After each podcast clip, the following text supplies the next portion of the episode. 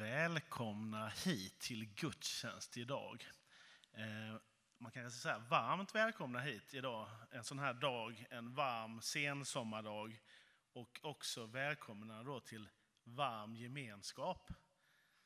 Eh, de som inte är här får ju skylla sig själva helt enkelt, utan vi som är här vi får njuta av att få fira gudstjänst tillsammans. Medverkande på gudstjänsten idag Eh, då ska vi få lyssna till eh, predikan och sång av Åke Nordqvist. Välkommen hit särskilt till dig. Du får jättegärna presentera dig lite mer själv sen. Jag har förhört mig lite med svärföräldrar och så vidare, så jag vet att det finns en historia, men jag kan inte den i övrigt.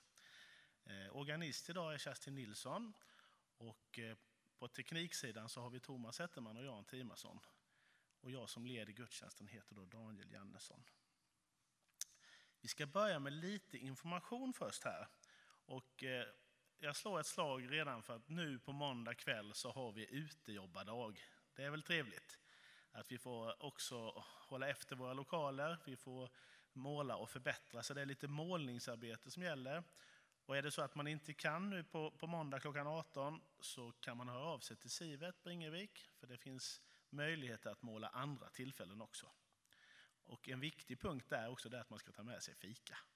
Det är nästan den viktigaste jag har förstått. Eh, vi fortsätter i veckan med att dra igång arbetet så smått här med storledarsamling på onsdag. Och ni som inte är med i uppdrag där får jättegärna ta uppdraget att be för den samlingen och det som den ska mynna ut i under terminen. Eh, vi har lite, lite RPG stor Yatzy och vi har lite andra aktiviteter här i veckan. Eh, och till nästa lördag är vi ansvariga för, för eh, helgmålsbönen i hemparken, hembygdsparken. Förlåt. Eh, på lördag den 20 klockan 18 kan vi också, om inte vi är där, åtminstone vara med i tanke om det. Då. Eh, sista dagen idag, om inte ni har anmält er till våra församlingsdag den 27. Men ni har väl anmält er, men jag säger det ändå, om det skulle vara någon som inte anmält sig. Det är sista dagen idag i alla fall. Då. Vi avslutar ju dagens gudstjänst med fika. Det kan man ju också pålysa om man är osäker på det.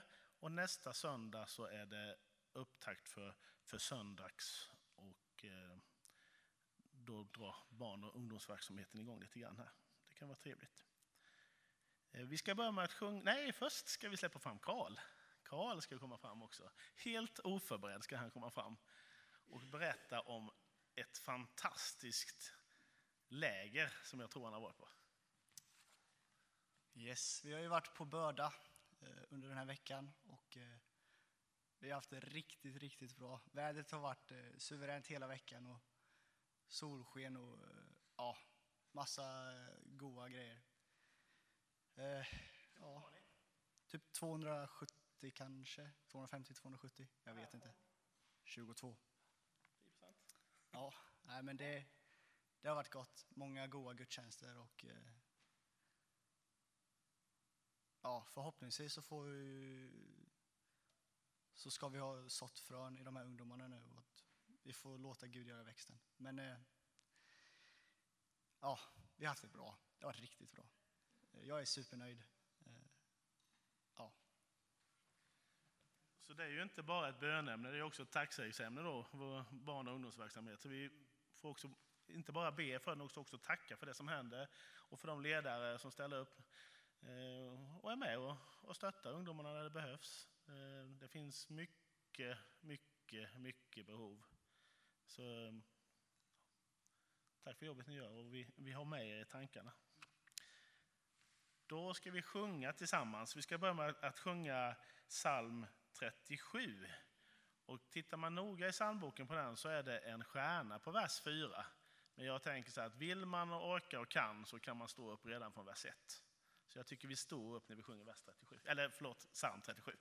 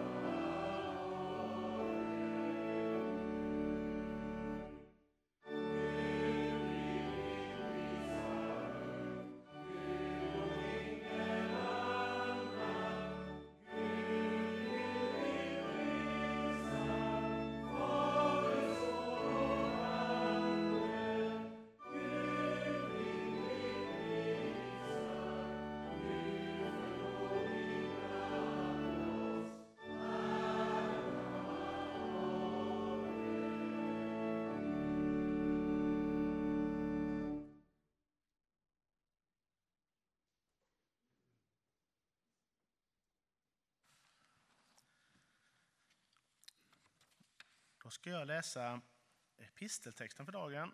Den hade jag fastnat för lite. Och den hämtar vi då från Efesierbrevet eh, kapitel 4, vers 20-28 läser jag. Eh, och man kan säga innan den här texten kom in så är det en text om, om gamla och nya människan. Om att kanske skifta från att vara egoistisk till att bli empatisk.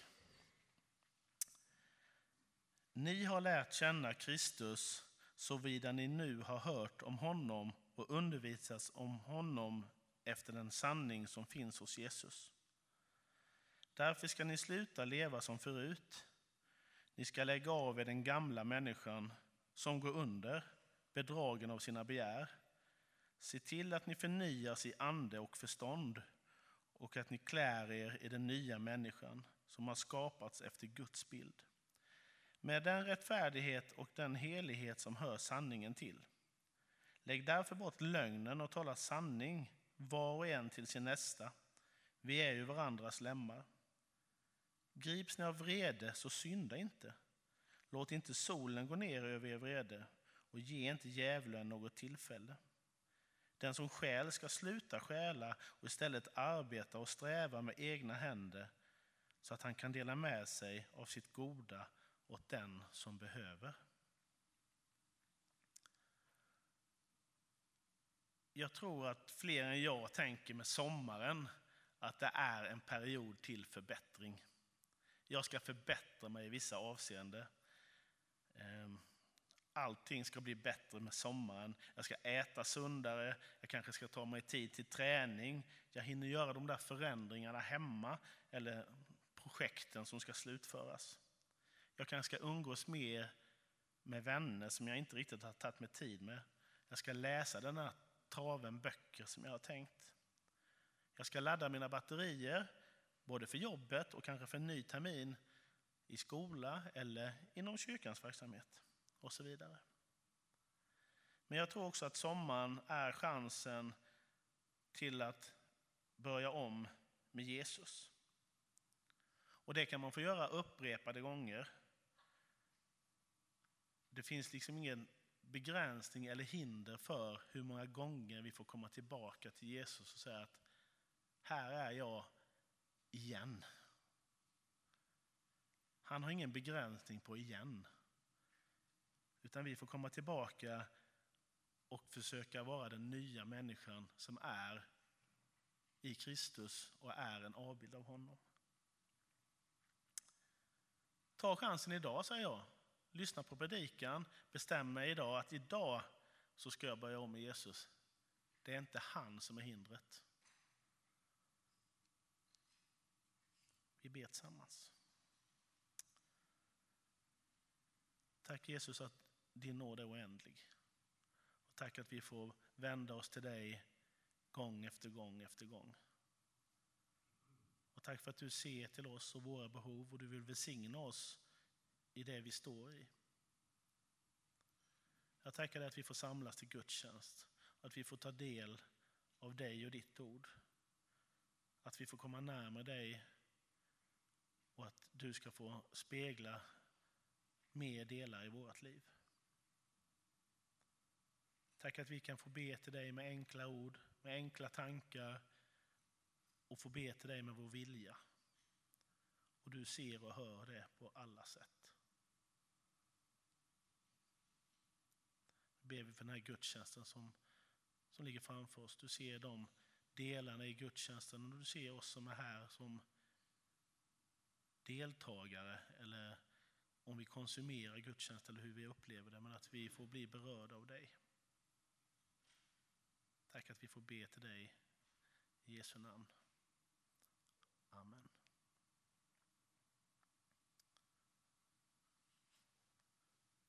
Nu ska vi få lyssna till en sång av Åke.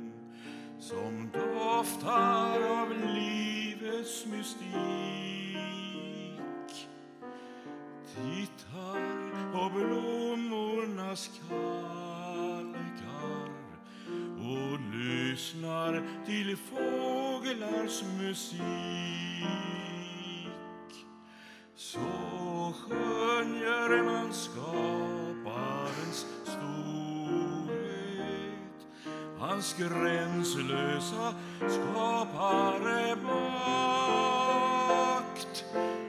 Bara ett ord och all världen är vid.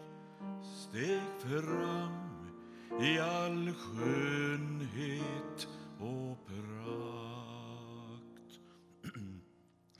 Bara man går genom skogen. Det är som en mäktig koral stiger bland högresta stammar från skapelsens tempelsal.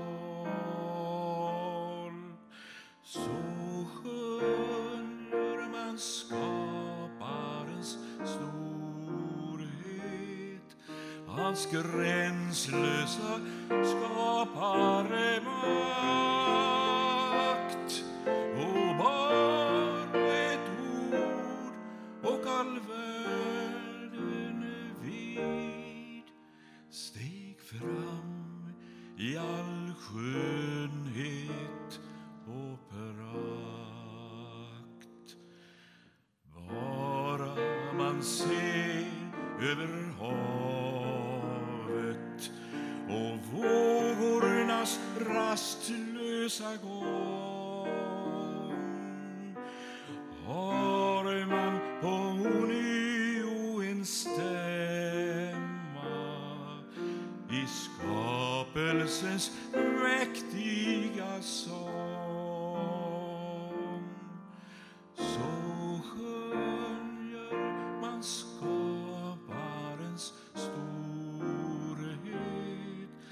Hans gränslösa skapare makt. Bara ett ord och all världen vid steg fram i all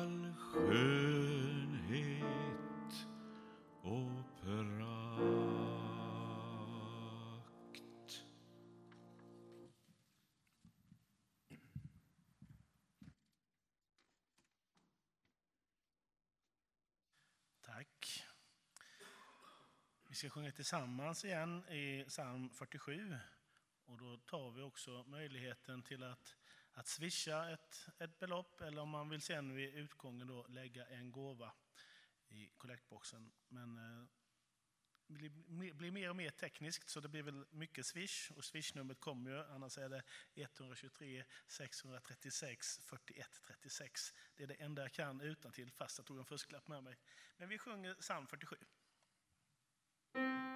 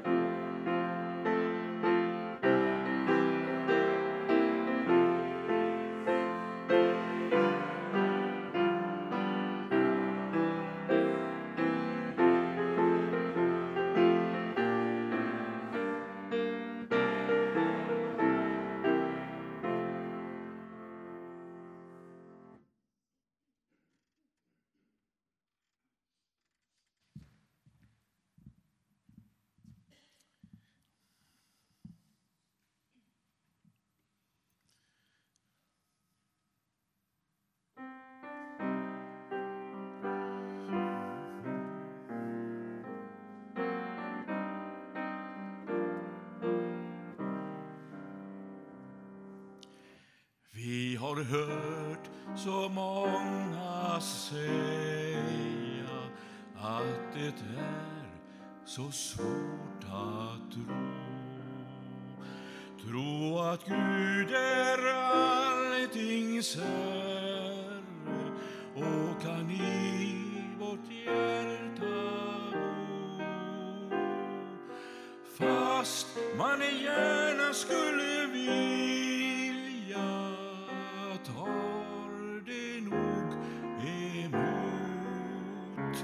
om man tänker kallt och sakligt och det inte alls att tro.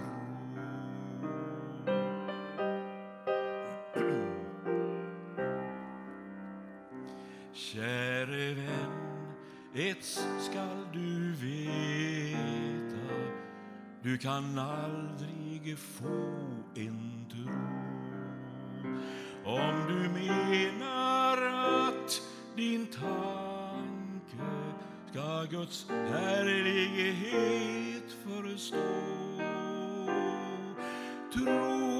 är salighetens gåta, tron ingåva här. Om du ber till Jesus Kristus skall du få en tro som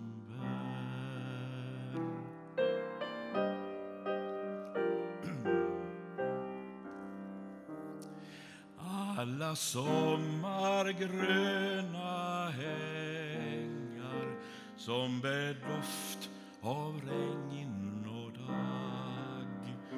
Varje träd, vart moln, var blomma röjer Herrens skaparkraft. Se på Vintergatans färg gyllene bro och du känner hjärtat fölna av en stark och evig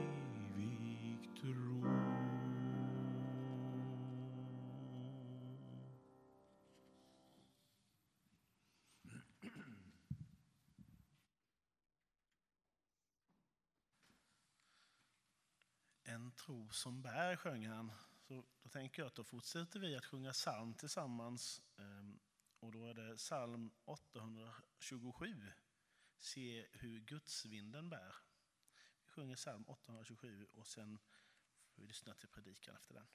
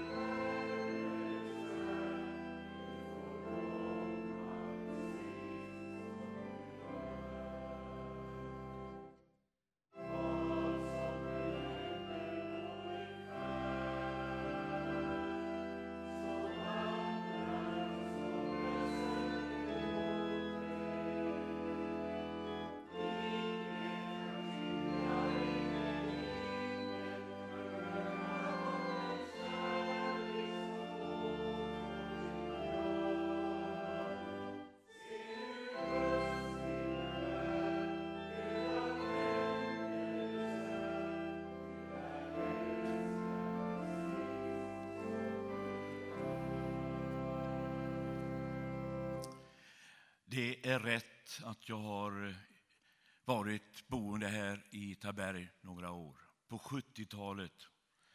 Och eh, det har varit många flyttningar sedan dess. Jag vet inte varför det är så, men vår familj har varit sådär ganska kort tid på olika platser. Så det har växlat mellan storstad och småstad. Jag frågade Magnus, en av våra grabbar, har det inte varit jobbigt med alla flyttningarna? Då säger han så här, farsan, vi har vänner överallt. Så det finns en poäng i att flytta mycket. Så är det. Och det är trevligt att vara här och eh, förmedla då Guds ord. Tyvärr är min hals inte vad den borde vara. Eh, det är den här sommaren med aircondition i bilen. Det är inte bra. Nej, så är det. Men jag ska försöka ta mig igenom det här nu och läsa Guds ord så som eh, evangelisten Lukas förmedlare.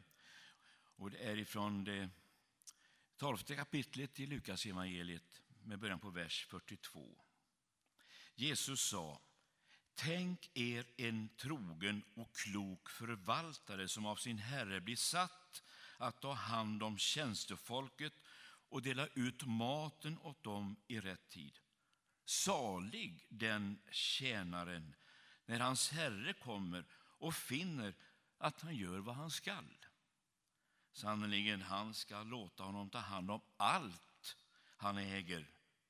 Men om den tjänaren tänker, det dröjer innan min herre kommer och så börjar slå tjänstefolket och äta och dricka sig full.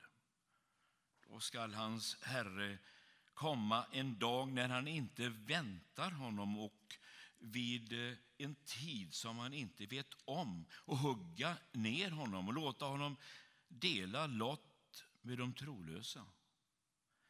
Den tjänaren som vet vad hans herre vill men ingenting förbereder och inte handlar efter hans vilja, han skall piskas med många rapp. Men den som av okunnighet gör sådant som förtjänar prygel, han ska bara piskas med några få rapp.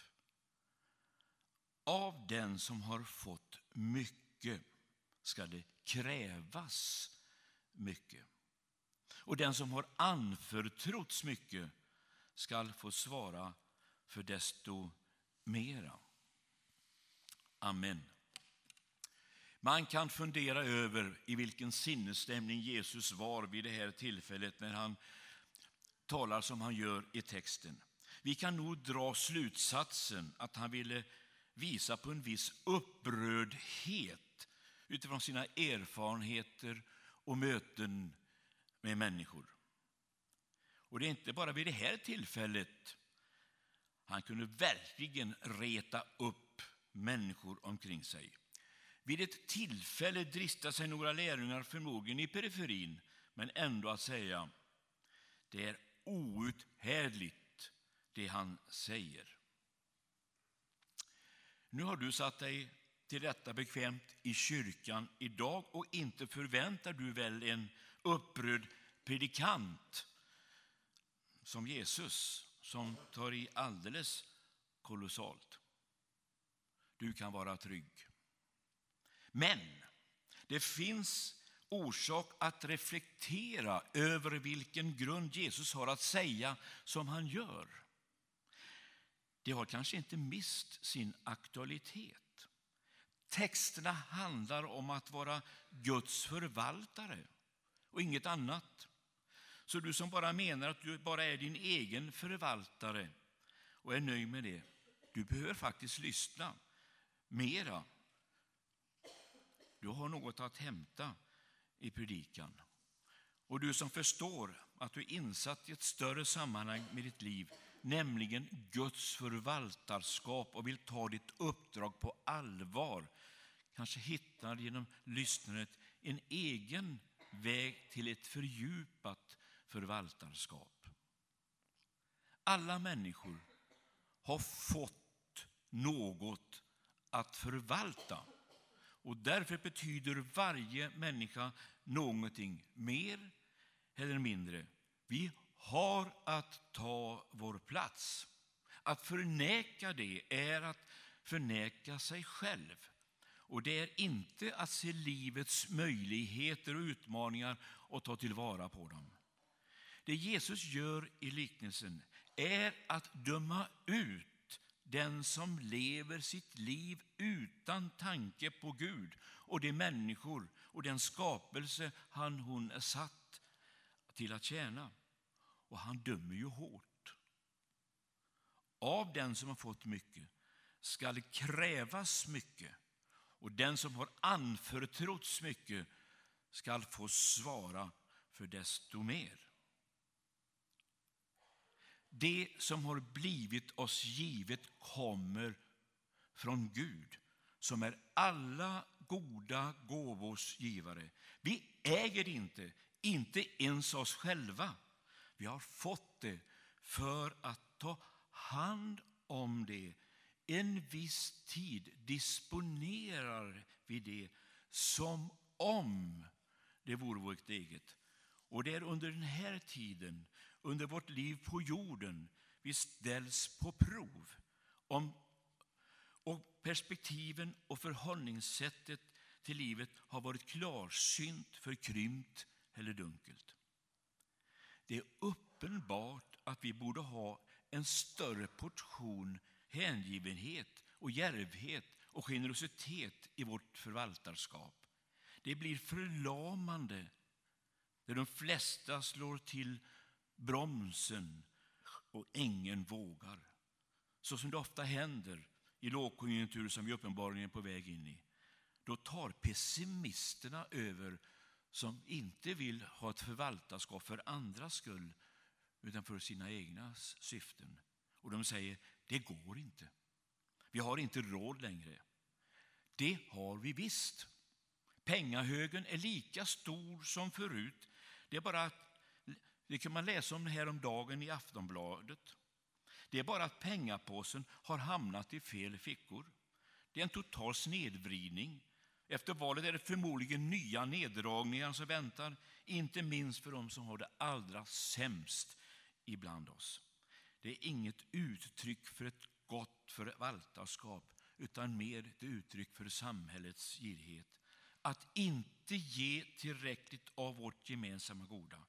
Man kan undra vad Jesus skulle ha sagt om dagens situation med tanke på vad han säger i dagens text. Kyrkan och dess folk får se upp så att de inte hamnar i samma fåra som världen. Det är en fel fåra. Ogräsets rotsystem finns under ytan också i kyrkans liv. Men det här är ju politik, säger du. Det ligger väl vid sidan om det som en kyrka ska stå för. Helt rätt. Men när samhället sviker de allra svagaste måste kyrkan ta sitt ansvar som den alltid har gjort. Det diakonala uppdraget är mer angeläget än på länge. Kyrkan kan inte vara en spegelbild och bara flyta med. Kyrkan måste vara en motbild så länge människor och natur far illa. Sviker samhället de svaga i samhället måste kyrkan träda till och ge röst. Kyrkan och dess folk måste förstå sanningen i orden. Av den som fått mycket ska det krävas mycket och den som har anförtrotts mycket ska få svara för desto mer. Den som lever i Guds förvaltarskap vet att Guds goda alltid finns i överflöd. Även det är en princip som Guds ord bekänner sig till. Det är inget offer när kyrkan tjänar. Det är ett med hennes väsen. Källan måste ha sina flöden, i annat fall blir det bara instängt och unket. I en annan av dagens texter kan vi läsa, var och en som har, han skall få det i överflöd. Att vara människa är att vara öppen, varm och generös. Det vi har tagit emot kan aldrig stanna hos oss själva. Menar vi allvar med vår efterföljelse och vårt förvaltarskap måste vi komma till rätta med det här. Vad är då kännetecknet för ett gott förvaltarskap? Ja, I ett sammanhang säger Jesus, jag säger er, om, man, om, inte, om inte er rättfärdighet överträffar det skriftlärdas och fariseernas så kommer ni inte in i himmelriket. Där har du det. Jaha, säger du. Vi ska alltså lägga till och på ytterligare ett kol på vår präktighet så det ska bli bra. Nej, det handlar inte om det. Historien är fylld av präktighet till förbannelse. Det är inte frågan om ett jämförande mellan en god och en sämre präktighet. När Jesus talar om att överträffa varandra i rättfärdighet. Och det ord som Jesus använder här, det är ett nyckelord i Nya Testamentet. Det heter parison på grekiska och betyder egentligen det som går ut över gränsen. Det är just detta ut över livet som präglar en kristen och hennes förvaltarskap. Om någon slår dig på högra sidan, så vänd också den andra mot honom. Om någon vill processa med dig för att få din skjorta, så ge honom din mantel också. Om någon vill tvinga dig att följa med en mil i hans tjänst, så gå två mil med honom. Det var ord från Jesus. Allt det som kännetecknar Gud är något utöver det rimliga. Och Jesus säger, jag har kommit för att ni ska ha liv och ha över nog. Och ordet över nog, också här det grekiska ordet perison. Det handlar inte om en personlig njutning utan ett förvaltarskap i överflöd av godhet och barmhärtighet. Som kristen är det omöjligt att leva kvar i det stängda rummet. Som kristen lever du i det sprängda gravvalvet och när vi väl är där vet vi ganska så väl att, att det inte finns några gränser för vårt föraltarskap. Som kristen ska vi alltid göra det lilla extra. När Jesus såg människorna greps han av medlidande. Han såg längre än till att det var horor, skattesmitare och bidragstagare eller vad det nu kan vara i vår tid som kom i hans väg. Han såg längre och djupare. Han såg alla människor som Guds ikoner och därför måste älskas till varje pris. Älskas för det de var. Sådant är evangeliet och sådana är dess människor. Gud har gått över sin gräns när han blev den inkarnerade guden ibland oss. Han blev människa. Han gick över sin gräns för det rimliga. Men sådan är Gud, för han vill att där synden överflödar, där överflödar nåden ännu mer. Och där har du ordet person igen. Så visst har du som kristen att gå utöver gränserna. Förvaltarskap är ett sätt att leva och inte något vi då och då tar på oss som en klädnad vid exempelvis kyrkobesök. Om det sker får livet en, en snedvridning. Andligt och världsligt blir då något som spelar och drar, spretar och drar åt olika håll. Vi är en i kyrkan och någon annan utanför.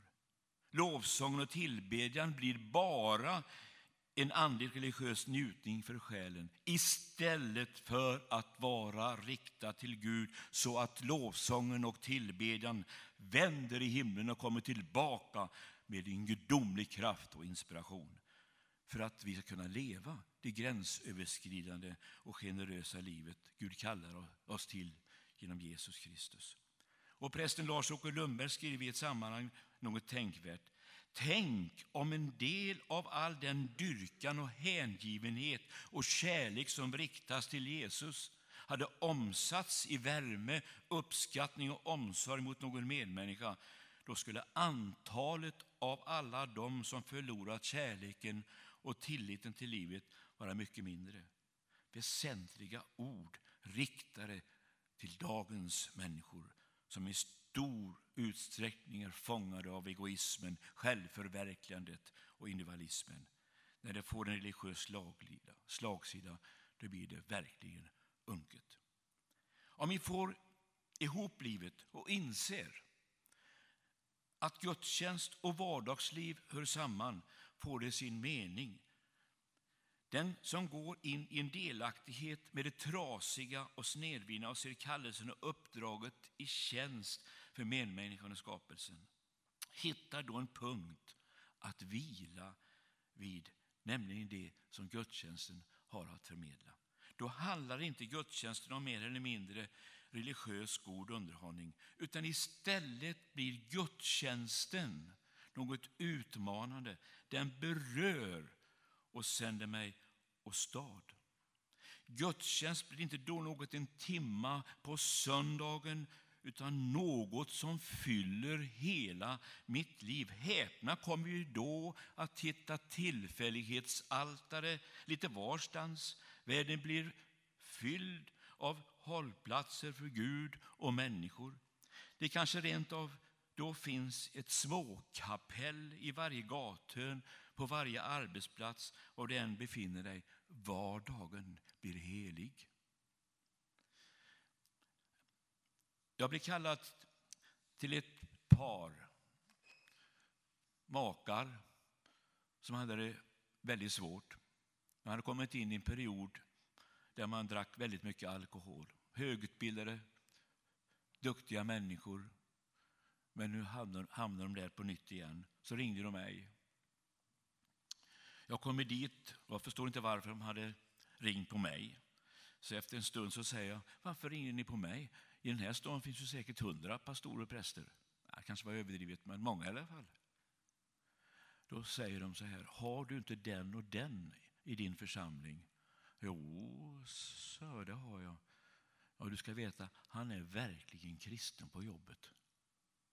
Jaha, denna försynta, tystlåtna människa är verkligen kristen på jobbet. Så fortsatte vi samtal en stund och sen så säger jag, kan inte låta bli, får jag säga att jag har varit hos er? Ja, ja visst får du det. Så jag träffar honom på söndagen i gudstjänsten, går fram till honom och säger, du jag har träffat ett par som är dina arbetskamrater. Så nämnde jag namnen. Ja, de har det svårt nu, sa han. Ja, det har de. Men vet du vad, vad de sa? Nej, de sa att du är verkligen en kristen på jobbet. Ja, sa han, jag har inte sagt något. Det är inte det, jag säger inte att det är det som är modellen, att ingenting säga. Det är inte det jag säger. Utan det jag vill säga det är, han hade något med sig ut i sitt sammanhang, ut i sin vardag. Han förmedlade kanske där ett tillfällighetsaltar för dessa människor. Så kan det gå till. Det behöver inte vara så märkvärdigt att vara en god förvaltare. Det handlar inte om det perfekta livet dit egentligen ingen av oss når. För strävar vi efter det, ja, det blir bara moralism av det hela. Konsten för oss när vi lyssnar till efterföljelsens villkor, det är att hitta vågningen in emot oss själva. Vad är det som är mina förutsättningar och mina möjligheter? Då blir det inget krav, utan då blir det nåd. Till och med dyrbar nåd. Tack Gud för att jag får vara bärare av detta förvaltarskap, blir det vi vill bedja och säga. Det handlar om att mista sitt liv för Kristi skull, för att i hans anda finna allt. Så mycket så vår livsbägare flödar över, släcker törsten hos dem vi möter. Att vara förvaltare är att vara det i Guds anda, vara en källa som aldrig sinar. Nej, men det kan inte vara möjligt för mig. Jag tycker det sinar jämt. Det som är det goda i mig. Nej, öppna dig mot Gud så flödar det. Och det flödar ut ifrån dig också. Jag försäkrar som en Jesu Kristi tjänare, så fungerar det. Amen.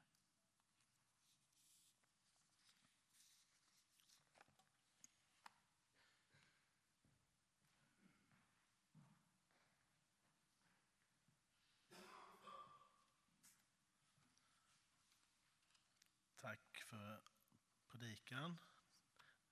Jag tar till mig. Jag hoppas att fler gör. Ehm, vi får fortsätta i bön och vi får fortsätta i bön genom psalm 833.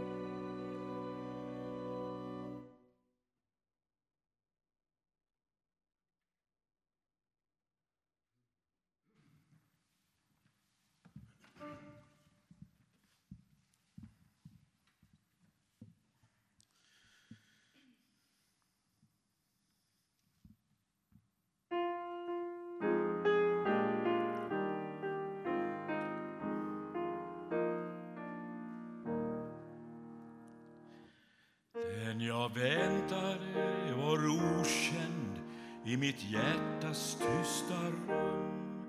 Ty förstummade var orden i hans evangelium.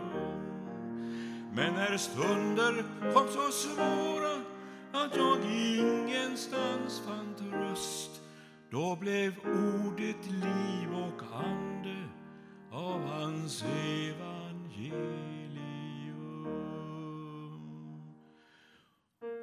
Dagar som var mörka och som ingen ljusning fick gavs en ny, en annan mening av all kärlek i hans blick. Och i vårens skira grönska när jag hörde lärkans sång var ju vägen för min tanke till hans rike inte När min livsdags korta dagar fram till natten en gång når vet jag vem som själv är vägen då jag hem till vila går.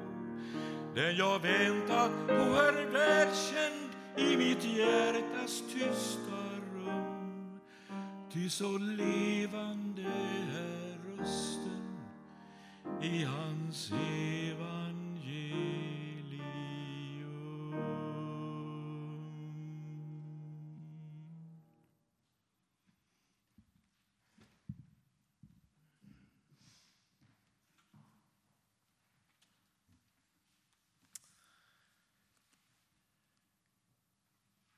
Psalm 646.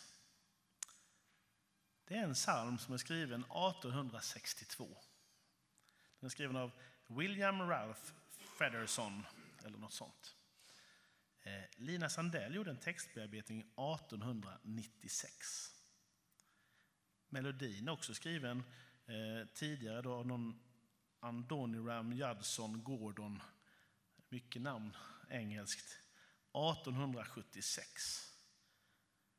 Den salmen får vi sjunga idag. Vi får använda den för att bekänna vår tro. Den funkar 2022 också. Psalm 646. Jag älskar dig Jesus. Thank you.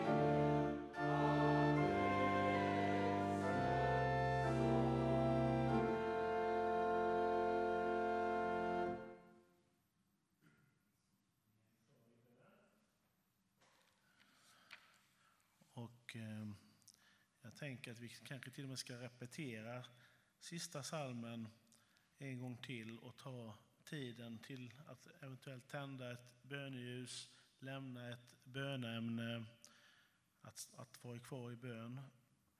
Eh, men innan vi sjunger den en gång till så så vill jag läsa välsignelsen över oss. Och Herren välsigna oss och bevara oss. Och Herren låt sitt ansikte lysa över oss och vara oss nådig. Herren vänder sitt ansikte till oss och giver oss frid. I Faderns, Sonens och den helige Andes namn. Tack att vi får ta emot det du vill ge. Tack att vi får öppna oss för dina möjligheter. Jag ber att du ska vara med oss var och en. Använd oss på det sätt som du ser är det bästa. Du ser de gåvorna vi har och de möjligheterna vi har. Du kräver inte det omöjliga. Tack att vi får förvalta allt det du har gett oss. Hjälp oss att spegla dig så att människor och omgivning, både i och utanför församlingen, bli styrkta. Tack att det är din kraft vi litar på, inte vår egen.